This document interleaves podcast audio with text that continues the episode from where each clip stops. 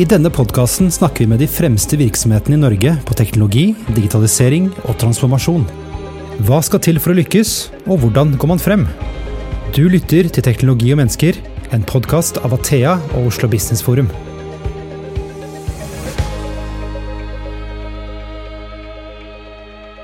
Da er vi tilbake med en ny episode i podkasten Teknologi og mennesker. Mitt navn er Christian Brostad. Skal minne om én ting. Abonnerer du på podkasten, så får du nye episoder rett inn i spilleren din, og det er jo smart. Helse-Norge står overfor store utfordringer de neste årene. Det er personalmangel, vi får flere eldre og syke, vi må prioritere kraftigere når det kommer til penge- og ressursbruk, og helsesektoren må bidra til det grønne skiftet.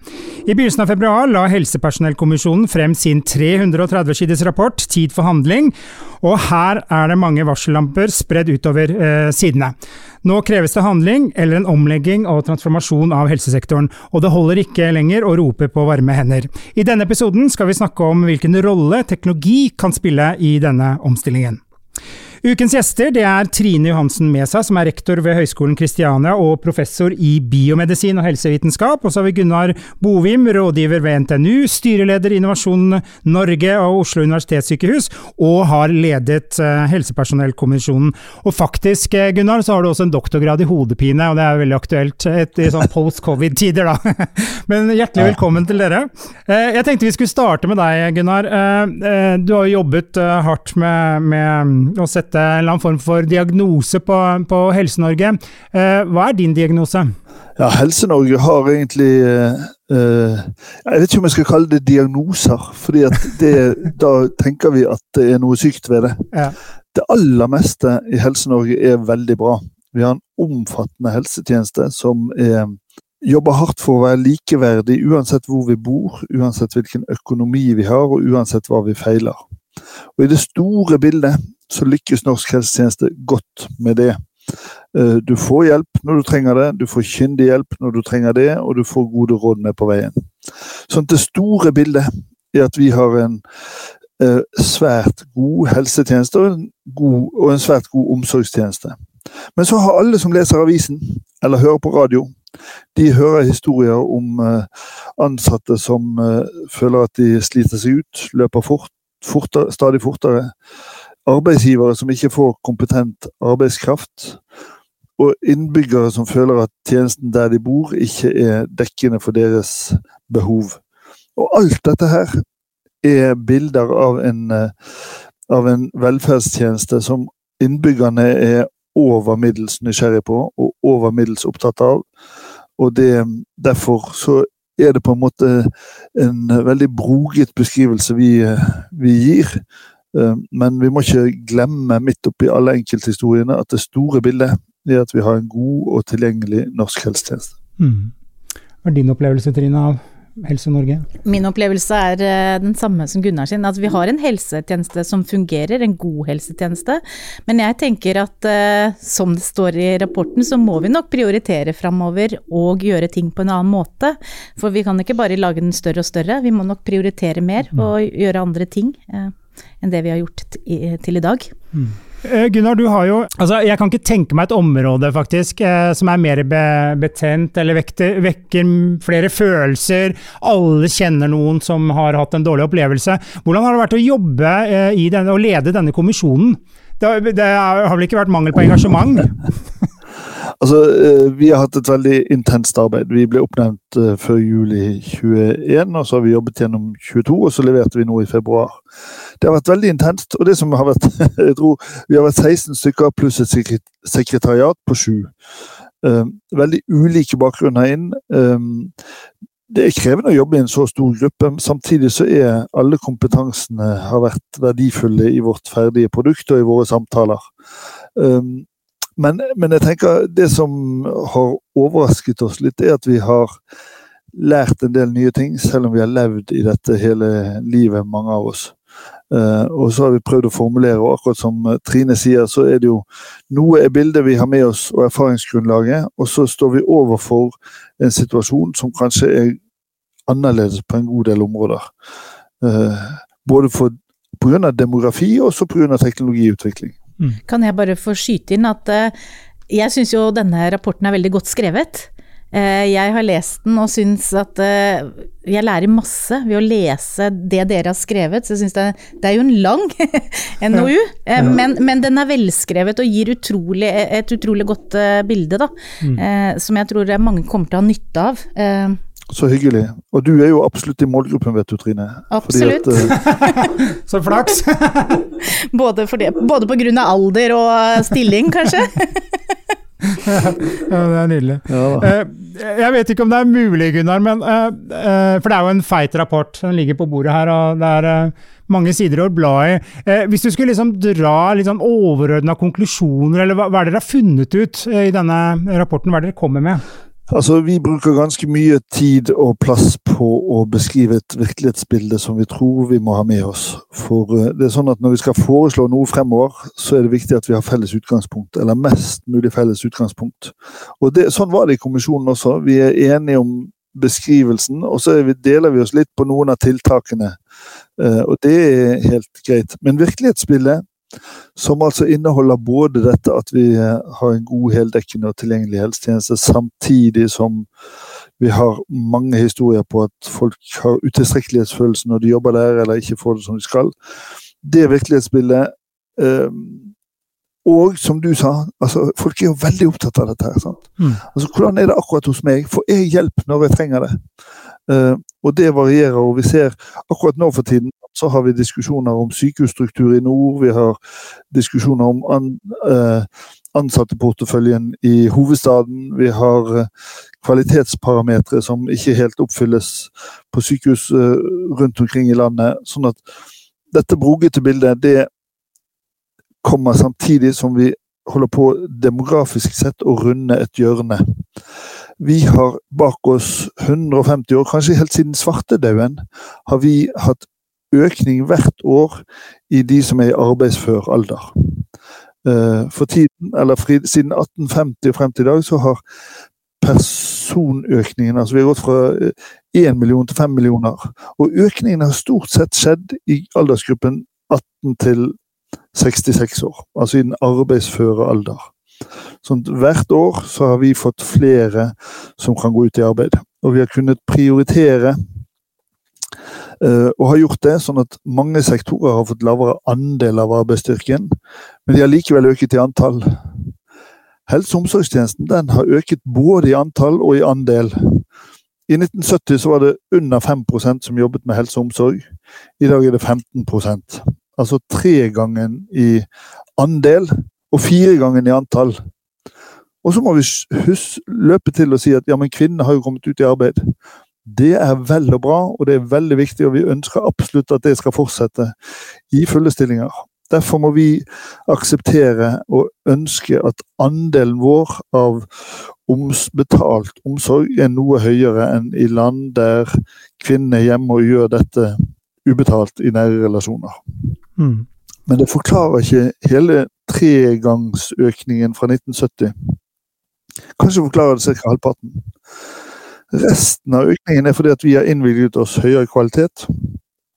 Enten gjennom mer spredte tjenester der folk bor, eller mer intense tjenester til en del grupper som får høyere, kvalitet, altså høyere nivå på behandlingen eller omsorgen nå. Um, og Det har skjedd i en tidsalder der befolkningen ikke har blitt vesentlig eldre. Vi har ikke fått vesentlig flere av de gamle. Og, og folkehelsa har ikke blitt dårligere, den har blitt bedre. Vi lever lenger. Men når jeg sier at det er et hjørne nå, så er det to ting som skjer. Det ene er at andelen over 80 år øker formidabelt. Um, de siste 20 årene så har vi fått 40 000 flere over 80 år. De neste 20 årene får vi 250 000 flere over 80 år. Helt total endring. Og det andre som skjer, er at vi får ikke flere i arbeidsfør alder. Der hvor vi før kunne øke med to sykepleiere og likevel få en ingeniør, så vil en økning med to sykepleiere nå bety at vi får to færre ingeniører i landet. Det betyr at det å prioritere helse og omsorg har vi kunnet gjøre i en periode der alle andre også har fått sitt. Men nå vil en prioritering av helse og omsorg gjøre at de andre får mindre. Næringslivet får mindre, skolen får mindre, kulturlivet får mindre. Og det blir mer vanskelig for oss. Og det har vi ikke prøvd før. Og det er på en måte en av kjernene i virkelighetsbildet, tror jeg. Mm. Buljongterningen. ja. Og det er jo sånn, Trine, også at uh, det politikerne gjør her, er jo at de roper etter mer personell. Og jeg mm. syns jeg så, for jeg så den uh, veldig gode presentasjonen din når du la fram uh, rapporten, Gunnar, så fortalte du jo at det er jo flere leger og sykepleiere i Norge bak 1000 innbyggere enn det er i resten av Europa. Mm. men Trine, politikerne, eneste de svaret de har, er å hive mer penger og mer folk. Og så er det jo ikke nok folk. Nei, det er jo ikke bare politikerne. Sånn jeg oppfatta debatten etter framlegget av eh, dette her, så var det også på en måte alle andre roper jo på det. Sier at ja, men da må vi ha mer folk. Og så forklarer dere veldig godt hvordan vi ikke kan ha det. For vi ønsker jo at resten av samfunnet også fungerer. Vi ønsker jo faktisk kultur, som du sa. ikke sant? Vi ønsker, vi trenger ingeniører for bygg for å ha et godt liv. Det er jo ikke bare helse som, som gir oss et godt liv, tenker jeg da. Det er veldig, det er veldig mye annet også, ikke sant. Som kanskje har blitt tydeligere når vi har vært gjennom en pandemi. Hva var det vi savna? Jo, vi savna det å gå på teater og gå på kino, og mye av det kulturelle som vi kanskje bare hadde tenkt at var sånn mange av oss, da, at det var noe som bare var i bakgrunnen. Det har i hvert fall jeg sett personlig hatt veldig stor betydning av, for å ha et godt liv, da. Hvis du skal snakke om eh, Helse er jo både sykdom, diagnose, men det å ha et godt liv, altså gjøre mye annet, tenker jeg, da. Så, så jeg syns, eh, ja. Jeg er veldig enig med deg. og det, det er liksom dette, Hva er vitsen med livet, liksom? Er det fravær og katastrofe, eller er det faktisk et positivt innhold? Ja. Er det noe du savner i rapporten, eh, Trine? Altså, nå har jo jeg lest den, og nei, jeg savner ikke noe særlig. Jeg syns, eh, jeg syns, det er gode beskrivelser, og så er det jo nå hvordan skal vi klare å følge dette opp.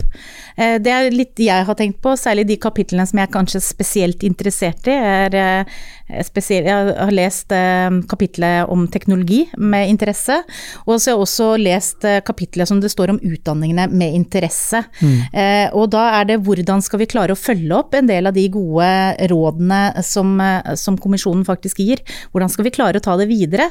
Ehm, for ja, mye er politikk. Politikere legger rett, eh, til rette for mange ting, men hvordan skal vi, ja, hvordan skal vi klare å få det til, da? Mm.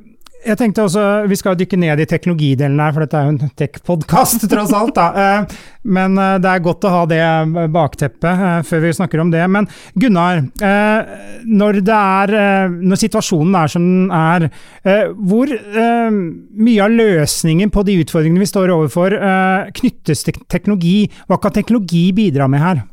Altså, Jeg kan ikke si at 50% eller sånt, det, det, vet jeg ikke. Men, men jeg tror vi gjorde oss noen veldig interessante observasjoner rundt teknologi. Vi er helt sikre på at uh, gode teknologiske løsninger er et uh, stort fortrinn for å klare oss med færre ansatte per pasient. Ehm, for vi kommer ikke utenom med den demografiske utviklingen at vi faktisk må bli færre ansatte per pasient ehm, i det store bildet. Eh, det gjør at eh, Og det skal, ikke bare, det skal ikke gjøres ved at man skal løpe fortere der man er og slite seg ut enda tidligere enn man gjør. Vi må finne helt andre måter å gjøre det på. Trine var inne på eh, prioriteringer. Det er et veldig viktig virkemiddel. Der har også teknologi betydning. Eh, men først og fremst så tror jeg at vi, vi, må se på hva er det som er gode teknologiske løsninger som ikke fremmedgjør oss, men som likevel bidrar til at min kvalitet, livskvalitet er høyere, og kanskje gjør det at jeg kan utsette bruken min av helsepersonell, eller, eller redusere bruken min og ha like god, like god opplevd tjeneste. Og, og da Christian, da snakket vi om det vi ble en erkjennelse for oss, det var at all politikk er på en måte helsepolitikk. Uh, uh, og, og, all teknologiutvikling bidrar til i det godes tjeneste. Også det som skjer utenfor helsetjenesten. Uh, altså Vi sa f.eks. at vi må automatisere alt vi kan i samfunnet for øvrig. Hvis vi automatiserer hele transportsektoren, på en måte, så kan vi leve med at vi har en høyere andel som jobber i helse og omsorg i dag, fordi at vi trenger ikke bruke arbeidsstyrke på helt andre områder.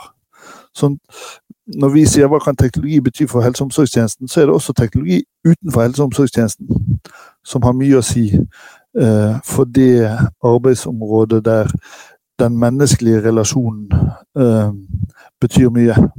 Nå er det jo sånn at Når vi snakker sammen nå, så sitter jeg i Trondheim og dere sitter i Oslo. Jeg skulle jo gjerne vært sammen med dere i studio. Fordi at den menneskelige relasjonen ville gjort at vi hadde kommunisert enda litt bedre. Eh, og vi må ikke tenke at teknologi kan erstatte det. Det må komplettere det på en god måte. Ja, og teknologi er ikke noe lykkepille, vil jeg tro, å løse alt. Da. Men eh, det er jo ikke altså, eh, Nå er jeg kanskje litt unfair her, da, men eh, vi har jo lest om nok prosjekter i Helse-Norge som ikke har gått så bra på teknologisiden. Da. Eh, hva er liksom problemet med Det er jo ganske store prosjekter man setter i gang i offentlig sektor. Hva er liksom problemet her med å, å få til, eh, til endringene, få til det skiftet vi trenger når det kommer til teknologi? Kan, nå jobber ikke jeg i offentlig Nei. sektor nå, jeg jobba i offentlig sektor uh, før. Uh, uh, men jeg tenker at noe av det som gjør at ikke alle teknologiendringer eh, fungerer, er bl.a. det som også står i rapporten. Det at de som utvikler, de som skal utvikle de nye løsningene, ikke alltid har brukeren i sentrum. Og da kan jo brukeren være enten helsetjenesten eller, eller eh, pasientene. Og det ser vi i andre sektorer også. Eh, vi har jo digitalisert f.eks. høyere utdanning de siste åra helt enormt. Og vi har laget masse gode systemer, men for at de skal fungere, så må vi jo se på hva er studenter studenten, da f.eks.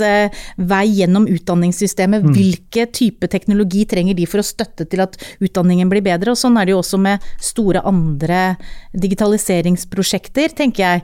Og da ja, skal jeg, vil sikkert Gunnar si noe, men jeg tenker at det er viktig, da. At vi på en måte Hva er det vi skal løse, og hvordan skal vi løse det så det er til det beste for alle som skal bruke de teknologiske løsningene, da. Mm. Og det, det, krever jo en kompetanse, det.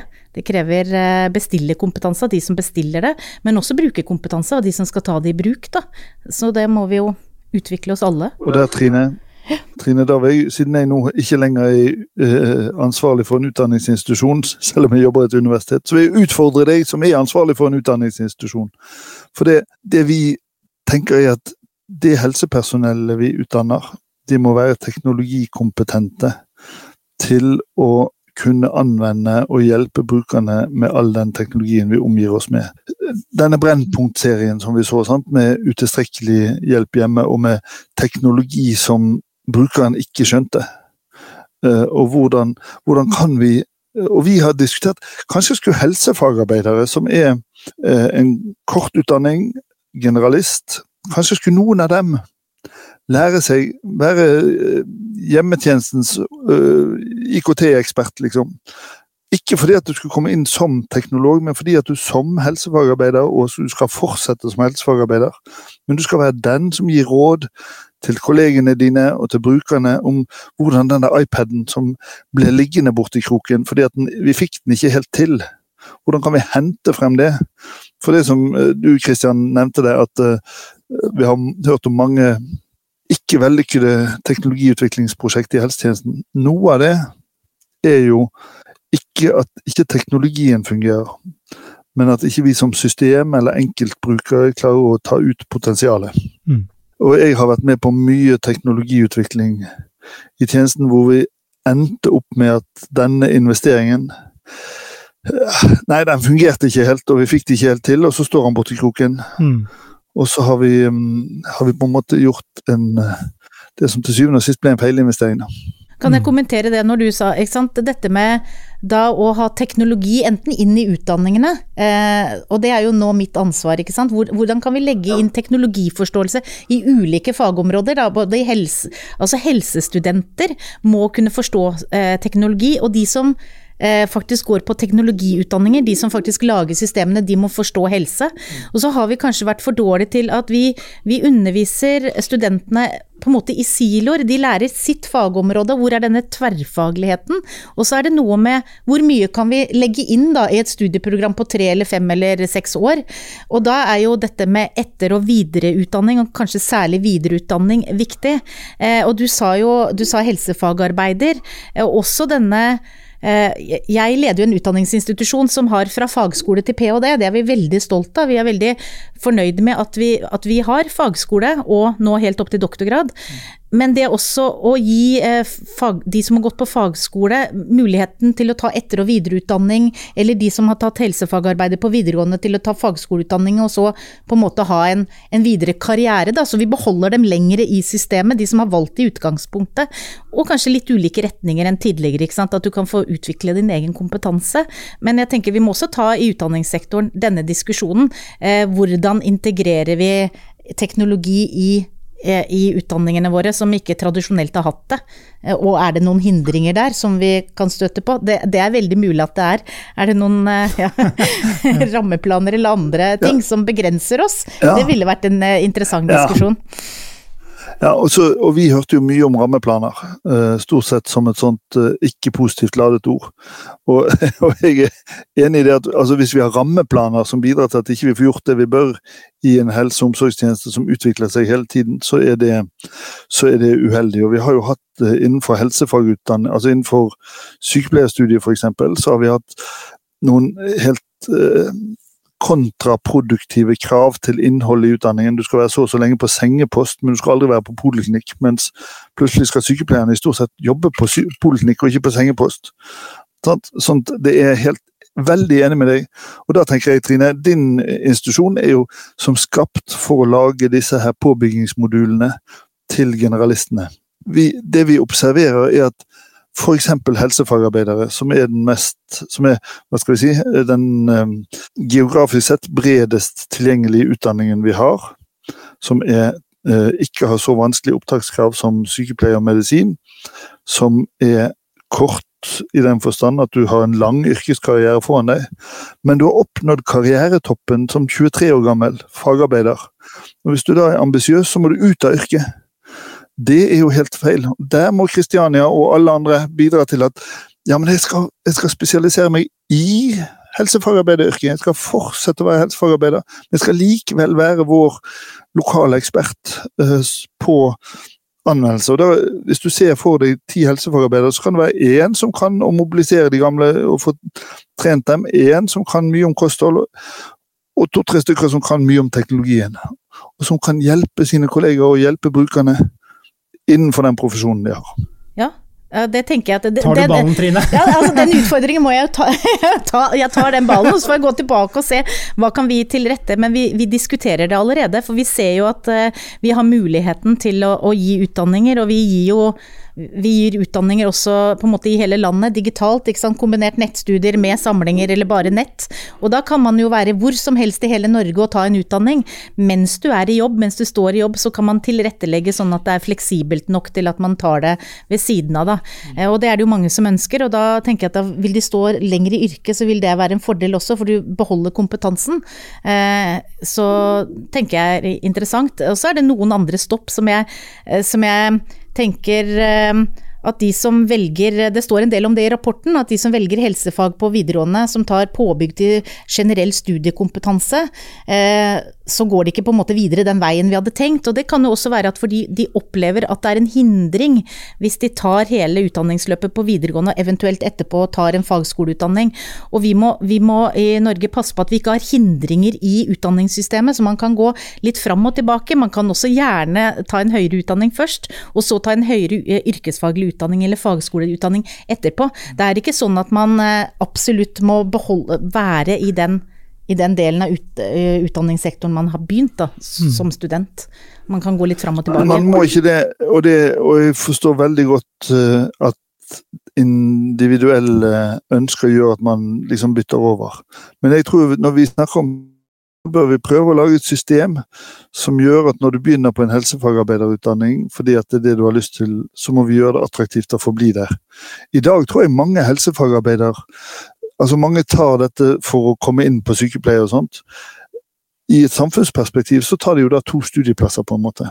Eh, og vi trenger dem begge. sånn, eh, da vil jeg tenke at vi burde gjøre det sånn at attraksjonen er å forbli i den grunnutdanningen du har, og så utvikle deg videre der.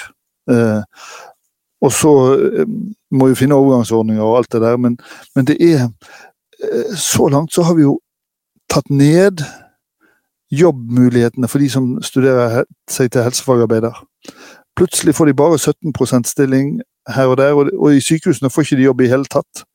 Sånn at det vi peker på, er at uh, det første vi kan gjøre, er å gjøre det arbeidsmarkedet tilgjengelig, attraktivt, i fulle stillinger. Uh, sånn at de får en reell mulighet til å arbeide som det. For det mener vi i for liten grad har vært til nå, da. Eh, vi skal dykke litt ned, for det, det teknologikapitlet i denne rapporten er jo ganske stort. Eh, det er bredt og, og fyldig, da. Og så har jeg plukket ut et par sentrale eh, ting der. og det som er veldig i tiden nå, da, Gunnar, det er jo kunstig intelligens. Det er jo AI-tjenester i lomma på alle. Så vi, jeg tror de fleste nå har et forhold til hva kunstig intelligens kan gjøre. Eh, helsesektoren er vel kanskje en av de sektorene hvor det er mest data også. Så potensialet her til å gjøre noe er jo stort. Eh, hva, hva er det eh, dere kom fram til i forhold til eh, dette med kunstig intelligens i helse- og omsorgssektoren? Altså, Vi er helt sikre på at uh, fremtidig utvikling vil være tjent med at vi bruker kunstig intelligens på en mye mer aktiv måte enn i dag. Det er veldig overraskende egentlig at vi har en god del rutinevurderinger, uh, f.eks. røntgenbilder, uh, snitt på patologi og sånt, som, som egentlig er veldig velegnet for kunstig intelligens, hvor vi i liten grad bruker det. Og det er helt klart at det ikke det er ikke den menneskelige faktor i det å fortolke et bilde. Der er ikke den menneskelige faktor verdiskapende for den enkelte. Eh, der burde vi i mye større grad utvikle kunstig intelligens. Så det foregår i dag ganske mye sånn uh, utvikling av dette rundt omkring som prosjekter. Det må vi heie på og kjøre på med. Så, men det vi hadde som vår observasjon, var at troen på at teknologi redder oss, liksom, den er vi, eh, der er vi litt mer uh, ja, jeg tror jeg skal si edruelig. I den forstand at um, veldig mye av den teknologien vi har innført i helsetjenesten, den har vi gjort med ett mål for øye, nemlig å få høyere kvalitet. Og det er vel og bra. Men hvis vi for å få høyere kvalitet trenger litt flere folk, så løser det ikke helsepersonellkommisjonens oppdrag, nemlig å klare oss med færre per, per pasient. Og det dilemmaet der må vi også adressere. sånn at når vi innfører ny teknologi, så må ikke det være en ulempe at vi klarer oss med færre ansatte. Da må det være hurrarop. For det er jo ikke sånn at ikke disse ansatte får jobb. Det får de jo. Så vi må være hurrarop for at vi får klare oss med færre folk der mellommenneskelig eh, kontakt ikke har stor betydning. Sånn at vi kan putte alle menneskene der kontakten med dem har betydning. Og det er vel også, Trine, eh, nå kommer AI og tar jobben din. Den ser vi jo i mediene hele tiden. Hva tenker du? Nei, altså Jeg tenker at eh, igjen, så hvis man kunne gjøre en del eh, oppgaver som kanskje får både høyere kvalitet og det blir sikrere svar, så vil det jo være en fordel at vi brukte AI. Mm. Sånn som f.eks. lesing av røntgenbilder. Men du må, ha, du må, jo ha, en lege eller en sykepleier som forteller pasienten hva dette betyr. Mm. Du må ha den menneskelige kontakten. Så, så, det, tar til, det tar jo ikke jobben til legene, men de kanskje bruker mindre tid på, på å sitte og lese, lese dette. Eh, og så tenker jeg at eh, det er sikkert andre, mange andre oppgaver også som er rutinepreget. Vi bruker for mye tid på ting, så det tar kanskje en del av oppgavene dine som du ikke ønsker i utgangspunktet, og så kan vi bruke eh, mindre personell eller annet personell på en del andre ting, da. Så jeg tror ikke vi skal være redd for det, men vi må være sikre på at, uh, at de systemene vi lager er gode, da. Sånn at, uh, så det er jo en teknologisk eh, utvikling, tenker jeg, å lage systemer som vi kan stole på. Og da har det noe med datakvaliteten inn, ikke sant, som vi må være veldig gode på. og da trenger du kanskje annet personell om en stund, eh, som, som, passer på at dataene vi legger inn er av, av, god kvalitet, sånn at vi kan stole på svarene. Men, men, men, når vi var rundt og snakket med sykehusledere og uh, fagfolk og sånt, så, så, var jo, så, så, var det jo interessant hvor lite fokus teknologiinnførere har hatt på å spare personell lab-systemer og sånt, så, så, blir det en sideoppgave for de som innfører dette, å finne meningsfullt arbeid til de som er der. Og den tenkningen må vi liksom legge på hylla. Vi må tenke at um, hele utgangspunktet vårt nå er at vi trenger, vi trenger alt det folket vi kan få tilgang på. Um, og, og da er det en stor gevinst å kunne unngå å ansette folk som, til oppgaver som teknologien kan gjøre like godt. jeg, jeg kunne jo ta en anekdote for noen Da jeg var sykehusdirektør på St. Olav, så hadde vi altså uh, flere hundre årsverk som bare satt og skrev ned det legene dikterte. Uh, på skrivestuer. Uh, og det er kanskje den teknologiutviklingen som har mest opplagt spart årsverk i norsk helsetjeneste. Det var innføring av talegjenkjenning. Uh, som gjorde at jeg tror vi sparte Jeg mener vi sparte 350 årsverk på St. Olavs hospital. Altså, uh, disse sekretærene uh, trengte vi ikke lenger. Det skjedde grovt sett ved naturlig avgang, fordi at vi innførte jo dette litt gradvis. Mm. Legene syntes det var et prakk, fordi at denne tallgjenkjenningsroboten var jo ikke perfekt. Mm. Skrivedammen var snevet bedre. Eh, kjente han der fra Toten som sa alt disse rare ordene. og jo da, nå er det han igjen, så da skriver vi litt sånn. Eh, det gjorde ikke roboten, så den kom tilbake med masse rare ting. Sånn at vi måtte bruke noe flere legeårsverk, særlig i en overgangsperiode. Eh, men det var mye færre flere legeårsverk enn på skrivestuen. Og så sier jo vi i kommisjonen at vi må bygge nedenfra, så vi, ønsker, vi tenker nok kanskje at vi skulle få inn litt flere støttepersonell, litt flere legesekretærer og sånt i dag enn vi har, fordi at vi har gått for langt andre veien. Men denne teknologiinnføringen her, det var jo et paradigmeskifte i, i uh, betjeningen. Nå går vi over til elektroniske pasientjournalsystemer som i større grad automatiserer journalinputen og gjøre den mer tilgjengelig eh, enn den har vært før. Det gjør jo at vi sparer personell også i den gjennomgangen. Vi slipper å gjøre ting flere ganger og alt det der.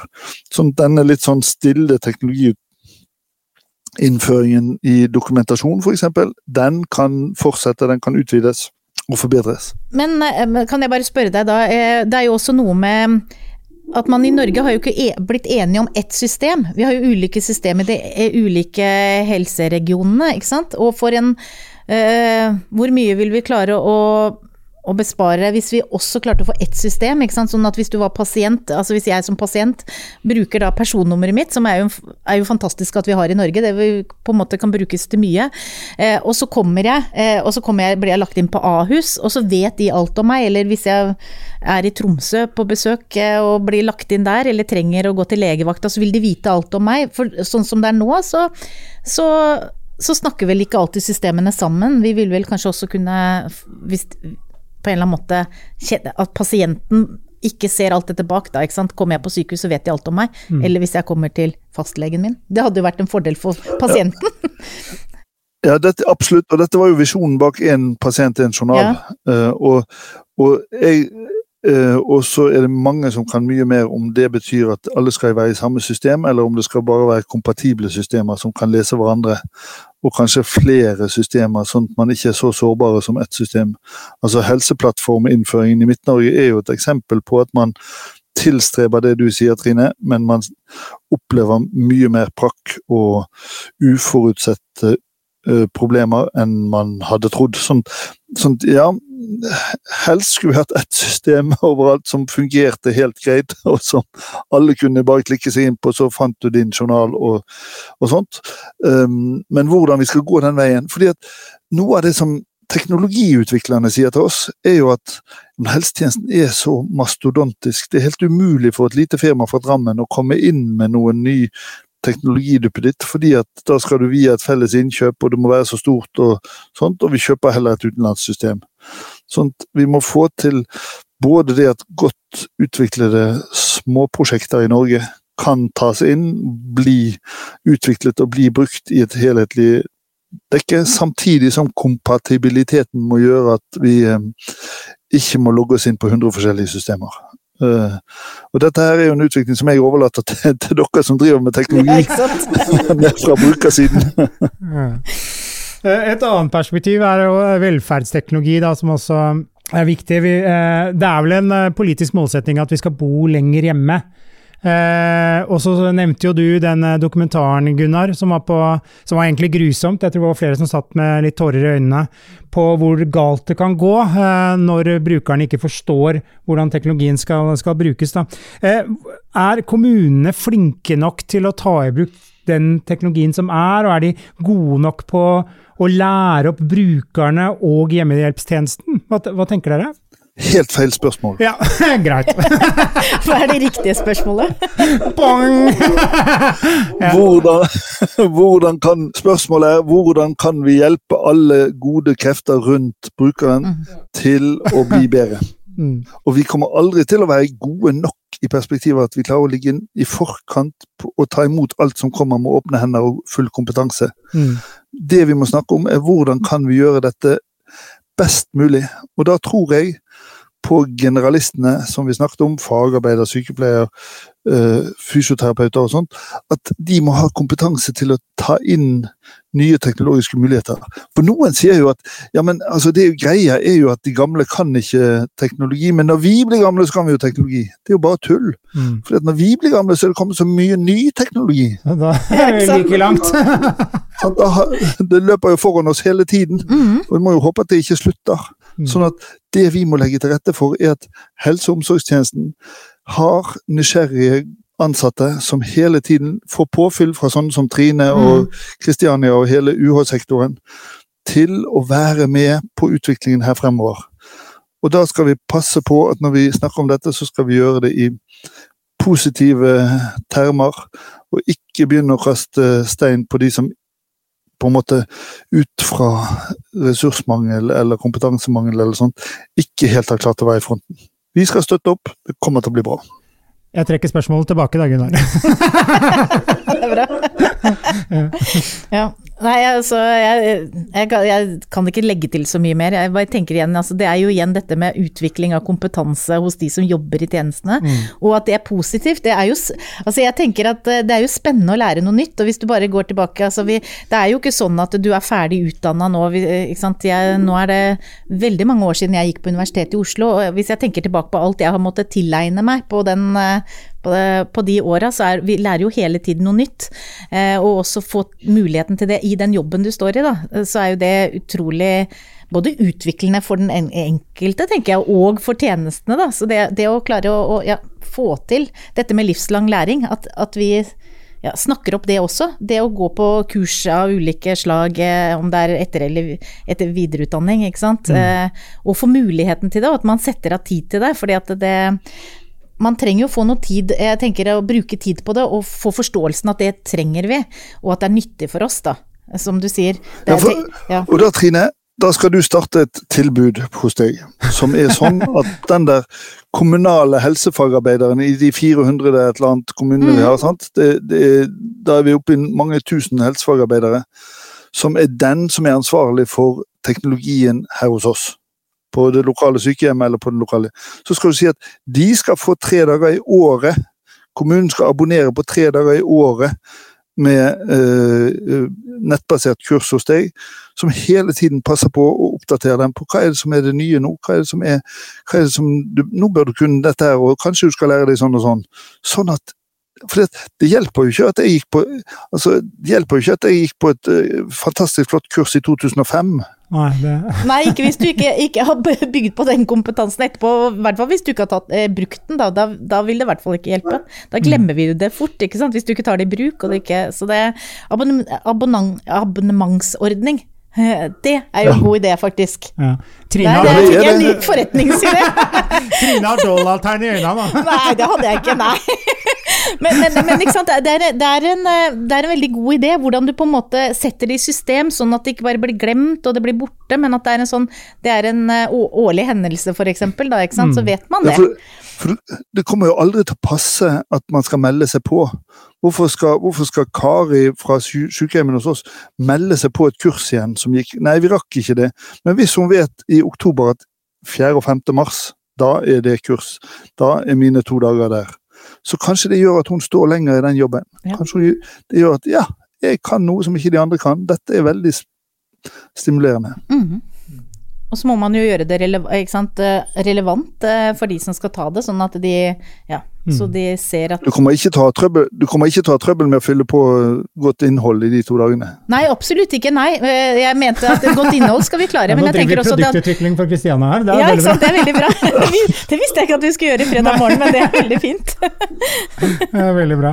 Eh, Vi nærmer oss slutten her. Eh, Jeg tenker Nå er det jo en feit rapport på bordet, Gunnar. Overlevert til politikerne. Hva er dine forventninger nå? Altså, En del av forventningene er allerede innfridd. Jeg har fått, og alle vi som er i kommisjonen og sekretariatet har fått én million henvendelser om å komme rundt og diskutere og snakke om det. Jeg kommer i denne podkasten, og vi kommer rundt ellers.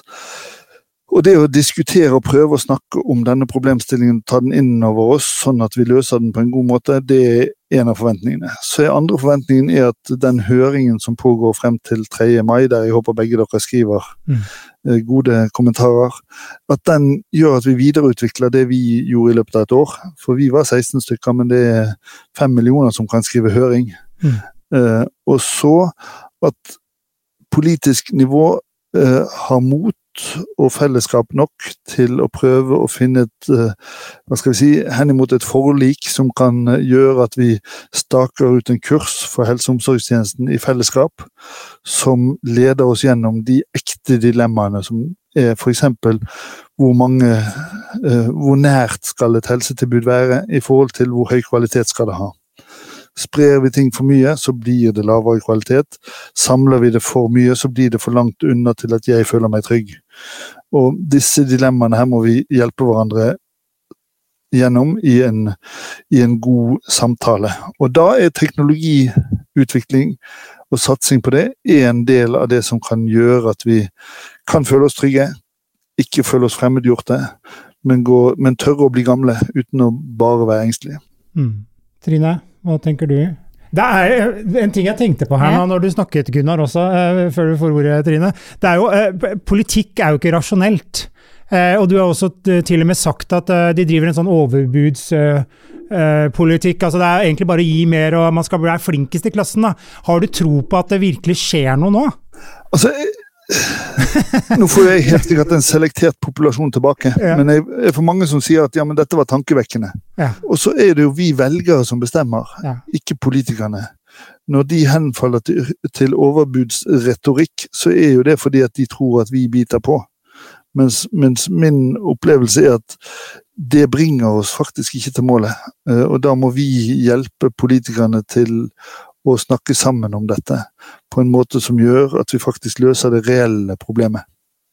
For det er løsbart. Det er mulig å få til, eh, men da må vi tenke litt annerledes. Altså jeg tenker, altså det er jo sånn eh, at eh, nå er det en høring, som man sier, ikke sant. Og det er mange av oss som nå sitter og skriver høringssvar og gir innspill, ikke sant. Samtidig så mener jeg at eh, en sånn NOU setter i gang tankevirksomheten hos meg som, som institusjonsleder. Ikke sant? Hvor, hvordan skal vi kunne være med å løse dette? Og da har vi allerede kommet et stykke på vei, tenker jeg. Ikke sant? Vi, vi tenker, all, vi, ja, men vi tenker allerede på hvilke type tilbud vil, skulle vi videreutvikle? Finnes det noe som eh, er beskrevet som ikke finnes i det hele tatt? Da vil, vi kunne lage de studietilbudene på ulike nivå til ulike personer. Og det, og det vil jo også avhjelpe, ikke sant. Så det, så det, det skjer jo noe her nå.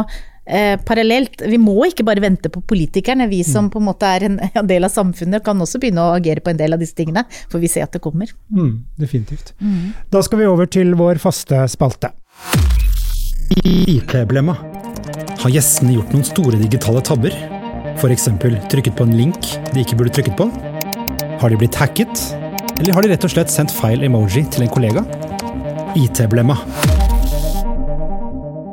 Da skal vi snoke litt i uh, gjestenes uh, tabbeliv, eller tabbete liv her. Uh, og vi har utfordra dere på å komme med, med deres største IT-tabbe. Og jeg har gledet meg til dette, da. Hvem har lyst til å begynne? Trine har lyst til å begynne. Trine Jeg har har lyst til å veldig lyst til å begynne. begynne. Nei, vet du hva? Min, min største tabbe ligger veldig mange år tilbake i tid. mm. Men jeg tror det fremdeles er relevant. Da. Ja. Jeg, eh, drev, jeg skrev hovedfag på Universitetet i Oslo i 1994. Det, altså det er eh, lenge siden. Eh, Og skrev jo det på PC. Eh, eh, Men jeg, det var ingen som hadde fortalt meg at det lønte seg å lage backup av det man skriver. Så jeg var helt på slutten av min hovedfagsoppgave, altså masteroppgaven min, hadde skrevet den ut fint. og så skulle jeg bare nesten levere den, og så fikk jeg altså disk error. Ja. Og gikk til IT og spurte hva gjør jeg nå, og de sa nei, det var jo ikke mye å gjøre med det. Du har vel en backup, og det hadde jeg ikke. Og så kan du tenke at det, det var en Jeg hadde heldigvis en, en utskrift, så, så, jeg ble min egen sekretær Ja. i dette arbeidet, og måtte skrive altså en ganske omfattende masteroppgave en gang til. Ja. Eh, hadde jo resultatene og sånn, så det var Men eh, jeg tenkte at det, det der ligger så langt tilbake, det der er det ingen som gjør lenger. Men det er veldig mange som gjør.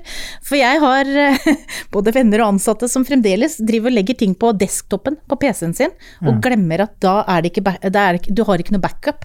Så du kan vik- eh, miste utrolig viktig arbeid ved å ikke legge det på riktig sted, eller lage eh, backup av, av arbeidet ditt, da. Så det er min største, veldig personlig IT-tabbe. Sikkert Ja, det er noen som noen andre kunne fortalt meg om, altså, men det, det er den jeg husker best selv. Mm. Læring i det. Gunnar? Altså, jeg, jeg har to ting jeg har lyst til å si. Det ene var en um, tabbe og tabbe. Altså, jeg, I 1986, tror jeg, så kjøpte jeg meg min første PC. Og da kjøpte jeg sånn at jeg hadde med harddisk. For da tenkte jeg ja, men da har jeg jo PC. Ut min tid, liksom. Og det fortalte de som solgte den òg. Og den kostet tre månedslønner eh, å kjøpe denne eh, Tre brutto månedslønner kostet å kjøpe denne PC-en. Som så fikk denne Som til sammen hadde en harddisk på 20 megabyte. Mm. Um, og det Det var jo en tabbe, for jeg, jeg måtte jo ta huslån og alt det der. Men det var jo også en inngang til at jeg eh, lærte meg litt mer enn skrivemaskin. For alternativet var jo å kjøpe en skrivemaskin. Mhm. Eh, Men, men den tabben jeg oftest gjør, og det er veldig, det er veldig morsomt, det er at jeg snakker i telefonen med noen, og så blir vi enige om at vi skal gjøre en avtale. Og så sier jeg ja, men bare vent, jeg må finne telefonen, sånn at jeg eh, kan gå inn på kalenderen. Og da blir jeg jo gjort oppmerksom på å lete ved høyre øre. Det er nydelig. Ok, Gunnar og Trine, tusen takk for at dere kunne være med. Og jeg anbefaler jo virkelig at folk dykker ned i rapporten. Og tusen takk til deg som har lyttet på. Du har nå lyttet til Teknologi og mennesker, laget av Athea og Oslo Business Forum. Liker du podkasten, setter vi stor pris på om du gir oss noen stjerner. Og tips gjerne en venn om podkasten.